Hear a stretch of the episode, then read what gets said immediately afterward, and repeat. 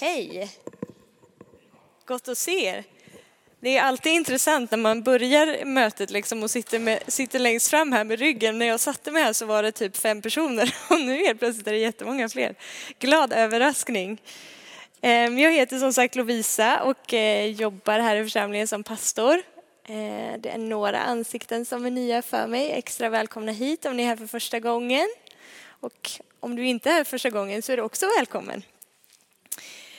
Eh, vi ska läsa dagens evangelietext till att börja med som är ifrån Johannes evangeliet kapitel 16. Och vi börjar i vers 5.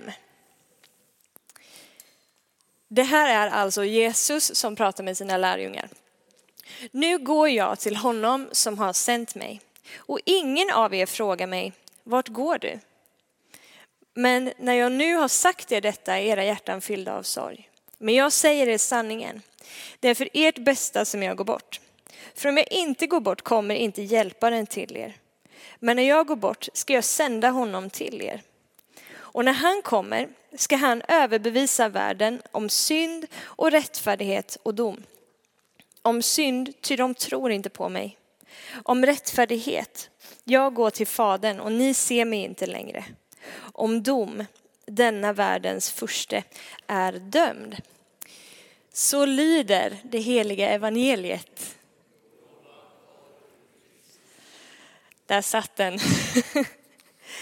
Ehm, Jesus eh, här har ett eh, litet snack med sina lärjungar och försöker förbereda dem på att, eh, vet ni vad, jag kommer inte alltid att, att vara kvar hos er här. Hur otroligt det än kan verka så kommer jag att försvinna.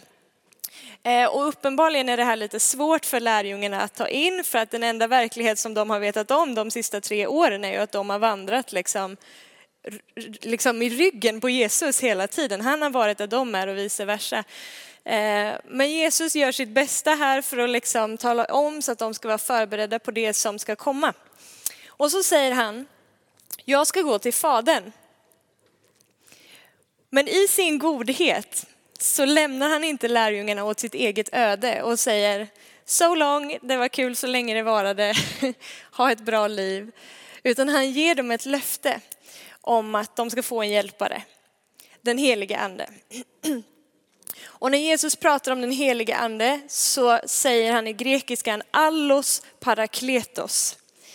Eh, ordet för allos betyder en annan fast av samma slag.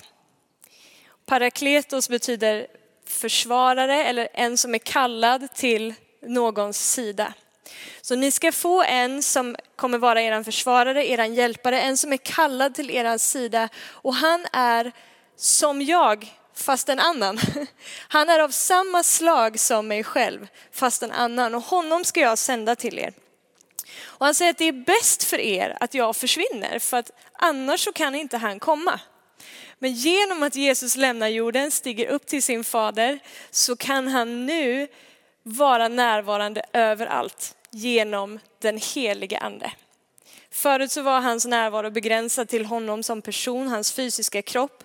Men han säger, jag ska ge er av min ande, jag ska utgjuta av min ande. Helt plötsligt så är inte hans närvaro begränsad till vart han fysiskt befinner sig, utan han kan befinna sig liksom i många troende och eh, sådana som liksom rör sig över hela världen obegränsat. Ni fattar, ni fattar galoppen.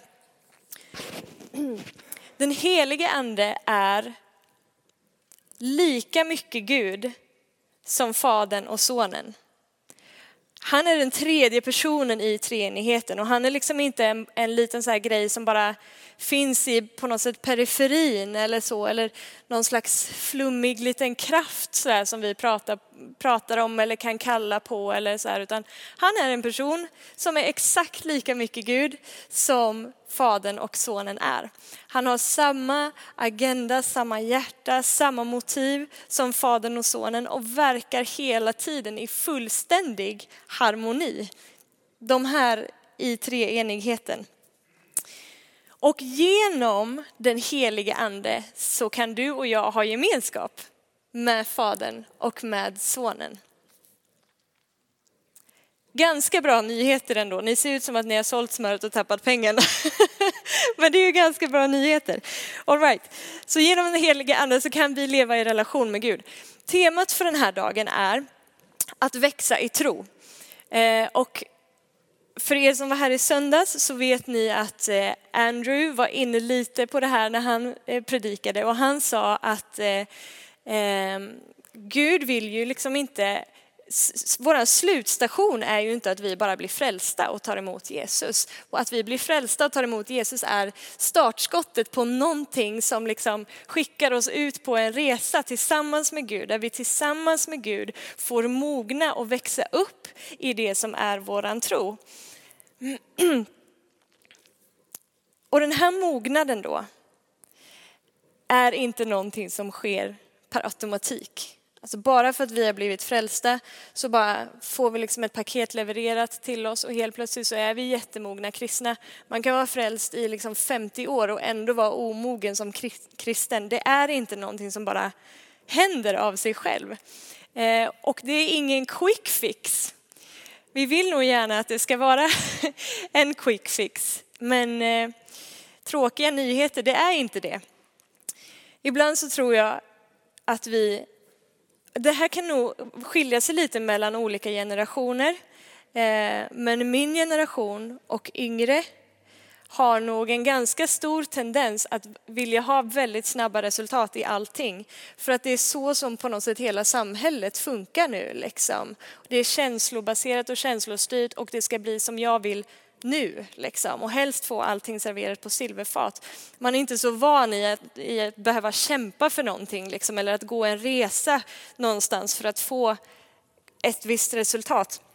Och så lever vi våra, applicerar vi det på våra kristna liv och försöker leva våra kristna liv som att det är någon slags liksom, drive-through eh, grej. Alltså ni vet på McDonalds när man kör in med bilen så här och bara fram till luckan, få det som jag har beställt, frid och fröjd, jag är glad. Jag behöver inte ens kliva ur bilen. Det är hur snabbt och enkelt och smidigt som helst och jättebekvämt. Eh, men det funkar ju inte riktigt så med, med vår Herre.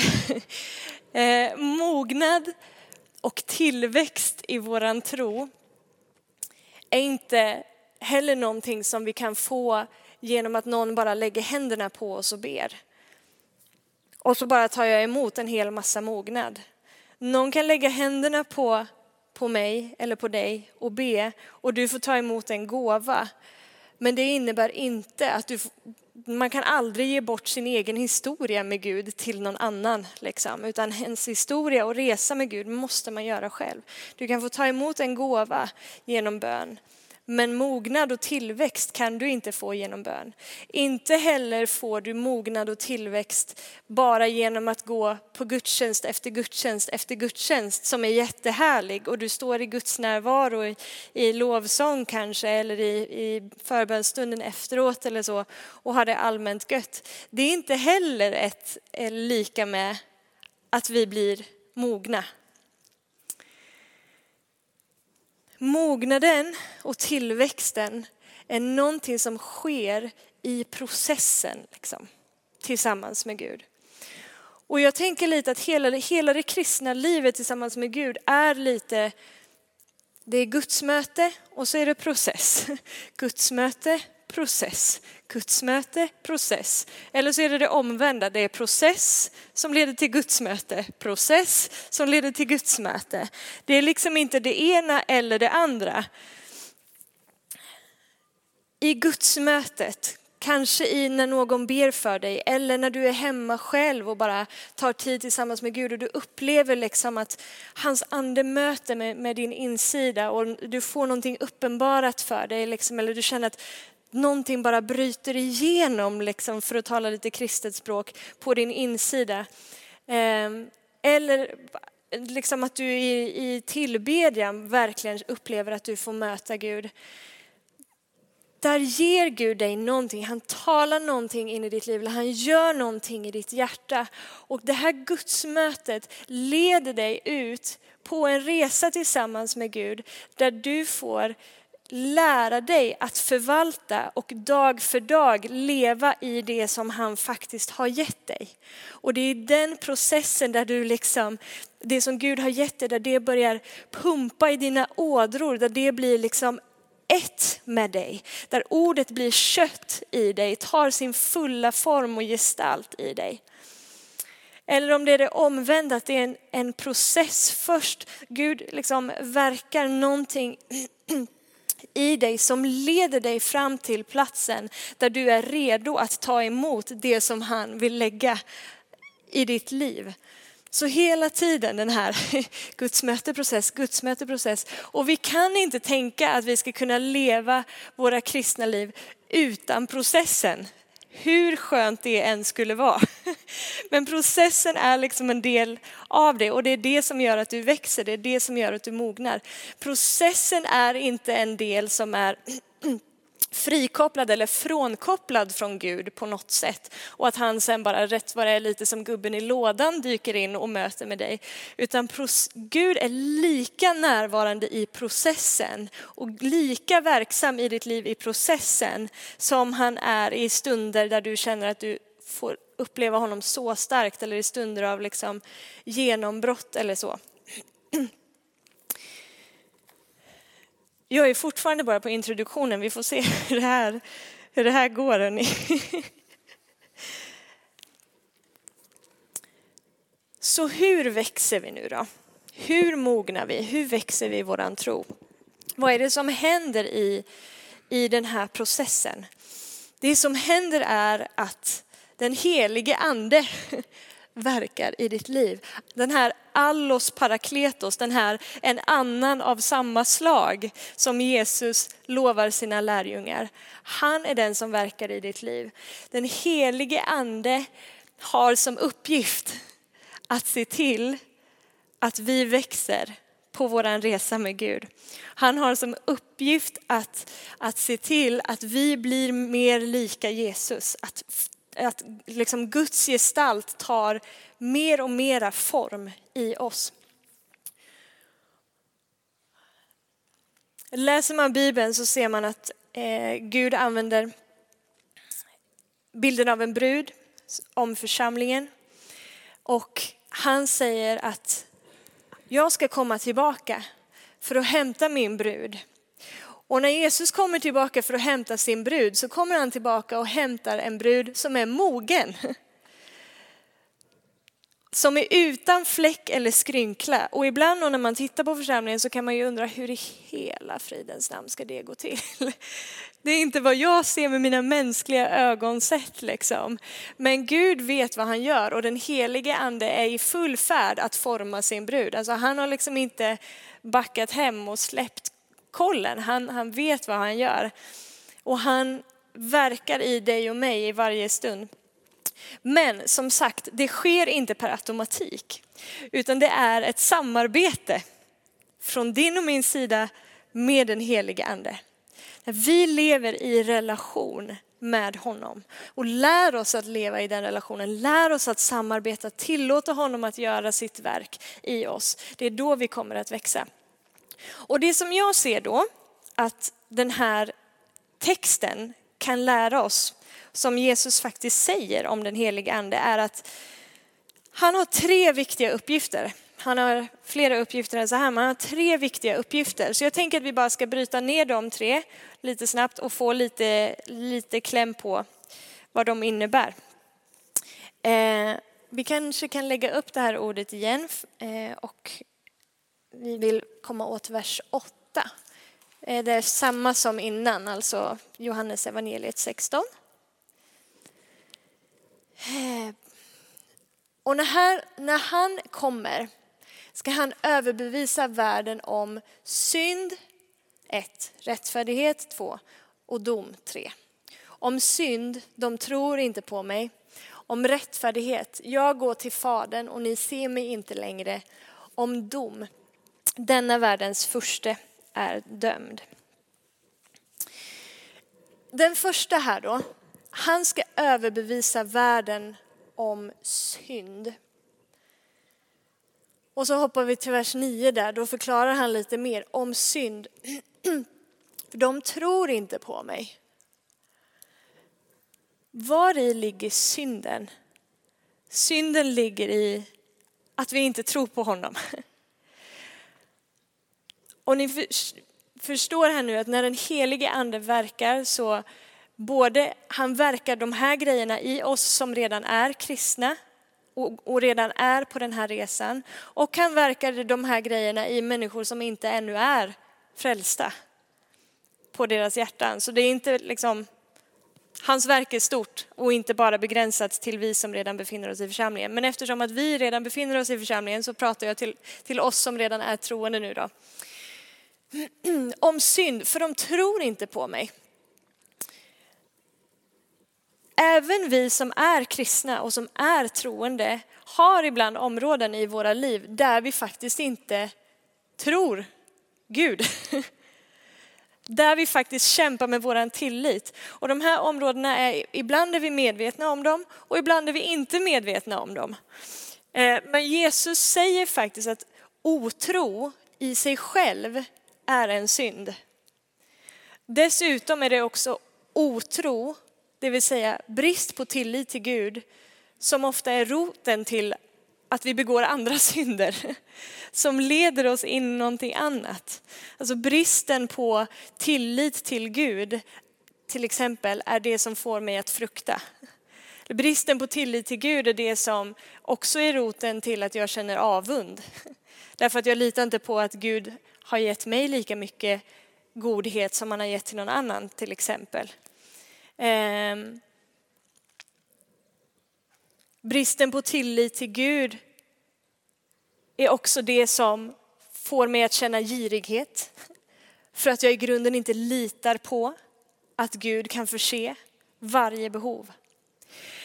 Så vi har lite sådana här områden ibland i våra liv där vi faktiskt kämpar med vår tillit till Gud. Och då är den helige ande där och knackar lite på våra hjärtan och visar oss, vet du det här, det här området luktar kanske inte så gott i ditt liv. Varför gjorde du så där? Eller det här området, varför har, du inte, varför har du inte gett över det här? Varför litar du inte på mig här? Varför litar du inte på att jag är god? Varför litar du inte på att jag håller dig? Varför litar du inte på min kärlek till dig? Så kommer han och viskar. Och det som är viktigt att vi får med oss i det här. Jag backar, jag ska säga det strax. När den helige ande kommer och överbevisar oss om våran synd och säger, vet du det där var inte bra det han i samma andetag gör är att han visar oss på vårt behov av en frälsare. Alltså för när våran synd blir uppenbar för mig själv så inser jag ju någonstans att boy I need you Lord. jag fixar inte det här i mig själv alltså. Jag kan inte bara så bestämma mig för att inte göra det här eller bara bli lite bättre liksom eller försöka piska upp lite bättre beteende hos mig själv. Det går liksom inte. Utan han, han visar mig att jag faktiskt behöver honom väldigt mycket. Och han för min blick till Jesus. Alltid för han min blick till Jesus. Okej, det jag skulle säga förut som jag säger nu istället då är eh, den heliga ande kommer för att överbevisa oss om synd. Det finns någon annan som också kommer vara väldigt snabb med att påtala din synd för dig. Eh, och det är inte han där uppe utan det är han där nere. Djävulen är också väldigt snar till att påtala för dig vad som är dina fel och vad som är dina brister och vad du inte har gjort bra och hur misslyckad du är i din kristna vandring och hur du inte har lyckats nå upp till det här och det här och där, där, där, där, där, där. Hur skiljer man då på när det är den helige ande som faktiskt överbevisar mig om min synd och när det är djävulen som anklagar mig för min synd? För det är viktigt att veta vilken röst man lyssnar på här. För den enes röst kommer bara att liksom göra mig inåtvänd, det kommer hålla mig i fångenskap, det kommer cementera mig i min synd och i mitt beteende och bara få mig att känna mig allmänt värdelös och dålig. det är anklagarens röst. Medan när den helige ande kommer och överbevisar oss om synd, det finns ingen som kan tala om för mig hur fel jag har gjort och ändå få mig att känna mig så bra. och ändå få mig att känna mig så glad. För när han kommer och påtalar någonting i mitt liv som inte står riktigt rätt till så kommer han alltid i samma andetag och bekräftar mitt värde och bekräftar för mig vem jag verkligen är, min sanna natur. Och han visar för mig nåden som finns tillgänglig för mig och vägen ut och han visar mig på Jesus. Så han lyfter mig ur det. Big difference. Men det är en av hans uppgifter i alla fall. Vad gör han när han gör det? Han helgar sitt folk. Han lär oss att leva i tillit till Gud. Han lär oss att leva i renhet inför honom. Amen. Ska vi hoppa till nästa? Eh, samma bibelord som förut, fast nästa punkt alltså. Eh, när han kommer ska han överbevisa världen om synd och rättfärdighet. Och i vers 10 där då, om rättfärdighet. Jag går till Fadern och ni ser mig inte längre. Vad är det som händer här? Eh, mina tankegångar går lite så här. När Jesus här i det här sammanhanget kopplar rättfärdighet till att han ska gå till Fadern så tänker jag att han går till Fadern har att göra med att han ska dö och att han ska uppstå och, att hans, och hans himmelsfärd, att han ska fara upp till sin far. Han dör på ett kors, han uppstår igen ifrån de döda och han far upp. Om inte Jesus hade dött på korset så hade han inte besegrat synden. Hade han inte uppstått så hade han inte besegrat eh, döden eller liksom visat och kunnat föra med oss in i ett evigt liv. Hade han inte farit upp till himlen så hade vi inte fått den heliga ande. Så det är genom vad Jesus har gjort, alltså hans död, uppståndelse och himmelsfärd, som vi kan förklaras rättfärdiga av han som inte visste av synd utan han som var fullständigt rättfärdig. Alltså Gud är fullständigt rättfärdig. Och Jesus som inte visste av någon synd blev gjord till synd för att han skulle kunna förklara oss rättfärdiga. Han blev som oss för att vi skulle kunna få bli lika honom. För att vi skulle få ta emot hans renhet. Så den helige ande han överbevisar oss om synd.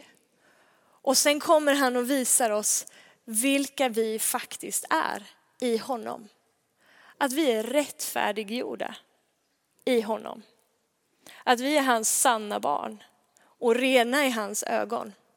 Och när den, när den här anklagaren som vi pratade om förut, när han kommer och vill fördöma dig igen och tala om hur dålig du är, så är den helige ande där och talar om, nej vet du vad, den här tjejen hon är rättfärdiggjord.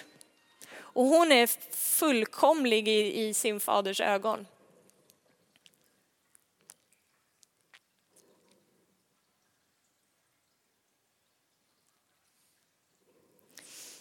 Den helige ande kommer återigen och pekar på vad Jesus har gjort. Så kan du veta att den helige ande talar till dig. Bli Jesus förhärligad. Dras din blick till Jesus. Visa det på Jesu död, på Jesu uppståndelse och på Jesu himmelsfärd och att du är rättfärdig i honom. Och också kopplat till det här. Ibland, jag i alla fall, säkert flera med mig, kan fastna i lite religiositet.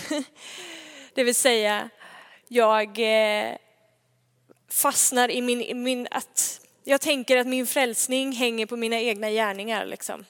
Och min egen prestation. Men där verkar den heliga ande den här grejen också i det att han kommer och visar på att vet du vad Lovisa, din rättfärdighet bygger inte på någonting som du gör, har gjort eller kommer att åstadkomma. Den bygger bara på att Jesus har dött, att Jesus har uppstått och att han har farit upp till sin fader i himmelen igen. Och så slår han hål på alla dessa religiösa bojor som vill hålla mig i fångenskap, liksom, som bygger på vad jag själv kan utföra för honom. All right, vi släpper den och hoppar till nästa för tidens skull här. Eh, om dom. Denna världens första är, är dömd. Han ska överbevisa världen om dom. Om dom, för denna världens första är dömd.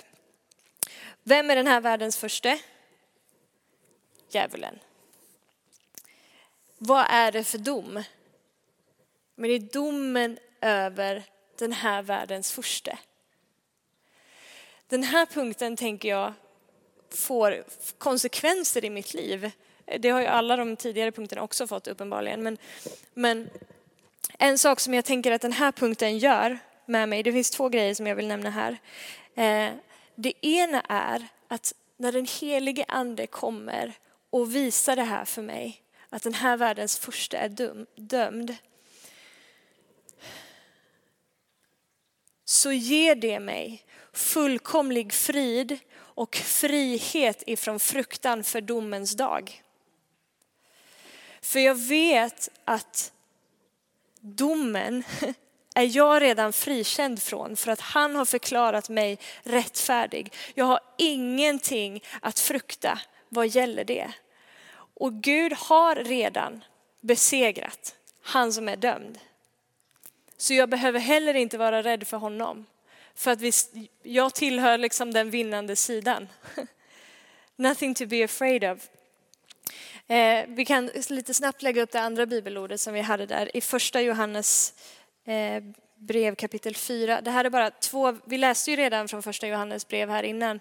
Det här är verserna efter där vi slutade tidigare. Så har kärleken nått sitt mål i oss. Att vi har frimodighet på domens dag, för sån han är, sån, sådana är också vi i den här världen. Det finns ingen rädsla i kärleken, utan den fullkomliga kärleken driver ut rädslan. För rädsla hör samman med straff. Den som är rädd är inte fullkomnad i kärleken. Vi ser att rädslan, rädslan hör samman med straff och det är kopplat till det här med domens dag. Och så säger Jesus, men världens första är dömd. Vad är det som driver ut min kärlek, eh, min, min rädsla? Jo men det är kärleken, liksom, att jag fattar att jag är älskad av Gud och inte kommer stå under någon vredesdom på, på domens dag. Och den helige ande jobbar 24-7 i ditt och mitt liv med att uppenbara och försöka få oss att förstå hur älskade vi är. Han är på ett uppdrag och det är att liksom öppna våra ögon så att vi kan se hur älskade vi är av Gud själv. Han släpper aldrig den uppgiften. Och om du liksom har bett den bönen, Gud hjälp mig att förstå hur mycket du älskar mig, så ber han den bönen ännu mer för dig än vad du ber själv. Hans längtan att du ska fatta det är större än vad din egen längtan att fatta det är.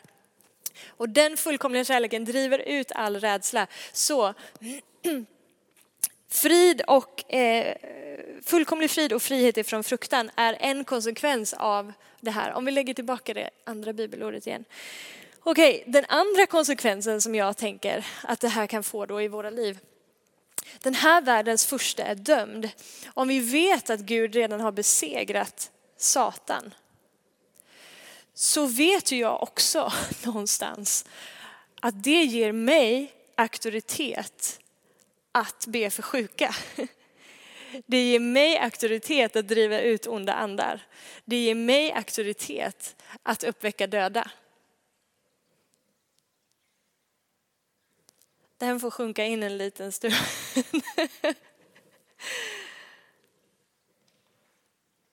Varför? För vi strider från den vinnande sidan. Vi vet att Gud har all makt. Vi tillhör honom. Vi är förklarade rättfärdiga i honom och han är redan dömd.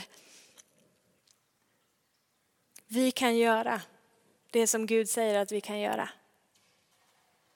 om intet göra djävulens gärningar. Genom att be för sjuka, driva ut onda andar, väcka upp de döda, etc. Tiden eh, rinner iväg. Hur växer vi i tro? Genom att leva i relation med den helige Ande. Att tillåta honom att tala in i våra liv. Att överbevisa oss om synd, om rättfärdighet och dom. Genom att lära oss att samarbeta med honom, att sätta vår fulla tillit till honom och för varje område som han pekar på att ge över lite mer av oss själva och vår tillit till Gud. Han är fullständigt överlåten till dig. Fullständigt överlåten till din resa tillsammans med Gud. Fullständigt överlåten till att se dig eh, växa upp i din fulla potential som kristen. Fullständigt överlåten till att se och forma Jesus i dig ännu mer och bli allt det som Gud har kallat dig att vara. Är du överlåten till den resan med honom? It takes two to tango.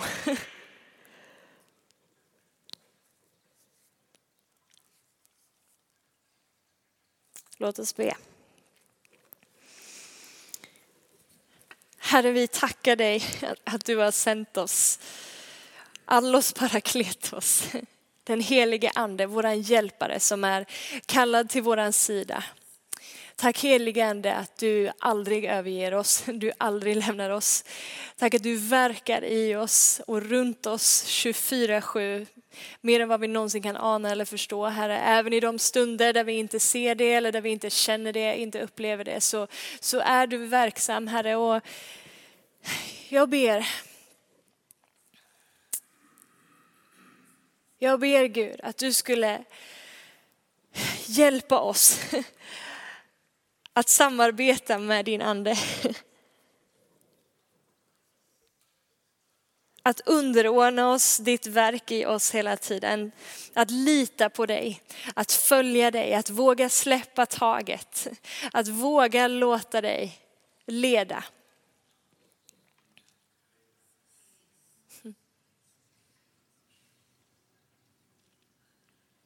Vi välkomnar dig och igen bara överlåter våra hjärtan till, till den resan, Herre. Tack att du formar oss Gud, tack att du låter oss växa upp i, i mognad Herre. Tack att du inte lämnar oss liksom där vi befinner oss Gud. Du älskar oss som vi är men du älskar oss också så mycket att du inte bara vill lämna oss där vi är utan du vill ta oss någonstans Herre. Och, och vi, jag vill säga för mitt liv Herre att jag är villig att gå den resan tillsammans med dig Herre. Jag är villig att, att lägga ner mitt eget när det krävs Herre. Jag är villig att betala ett pris Gud. Jag vill inte leva drive-through kristendom Herre Herre. Jag vill inte leva liksom quick fix, Herre. Vi vill inte leva ett liv där vi bara springer på gudstjänster och får förbön eller liksom bara vill leva i någon slags härlighetstänk hela tiden Gud, utan vi vill överlåta oss till resan Herre. Vi vill överlåta oss till processen Gud, där du får liksom forma, där du får knåda våra hjärtan, där du får karva ut bilden av dig själv i oss Herre, så att du ännu mer skulle kunna ta din plats fullt ut i din kropp Herre, att du skulle få bli synlig i oss och genom oss Herre, för den här världens skull Gud, inte för någon slags egen syfte syfte bara, men för den här världens skull, Herre. Gud, låt våra liv få bli ännu mera så överlåtna till dig, Herre, att när människor möter oss så skulle de inte bara se oss, utan de skulle se dig i oss. Att bilden av dig i oss skulle bli så synlig, så tydlig, Herre.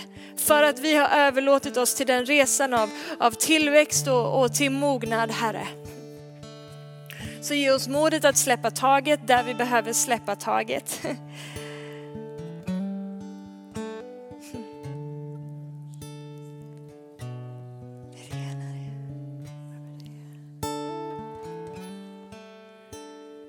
Så jag välsignar alla, alla som sitter här inne idag. Jag vill bara tala ut över er att, att er framtid är god, er framtid är ljus. Och Gud är så fruktansvärt överlåten till dig. Han är så överlåten att gå den här resan tillsammans med dig. Han har aldrig någonsin lämnat dig, han har aldrig någonsin släppt taget. Utan han verkar, han verkar i dig och bara tala över oss att, att vi är ett folk som kommer att resa oss upp i mognad för att vi vet att det är det, det, är det du gör Gud. Och det hänger inte på vår egen duktighet som kristna, det hänger inte på, på vår egen kraft eller styrka utan det, det är din kraft Herre, det är din styrka, det är ditt verk och vi ger oss till det Herre. Vi vill ge oss till det fullt ut, helhjärtat. I Jesu namn så ber vi. Amen.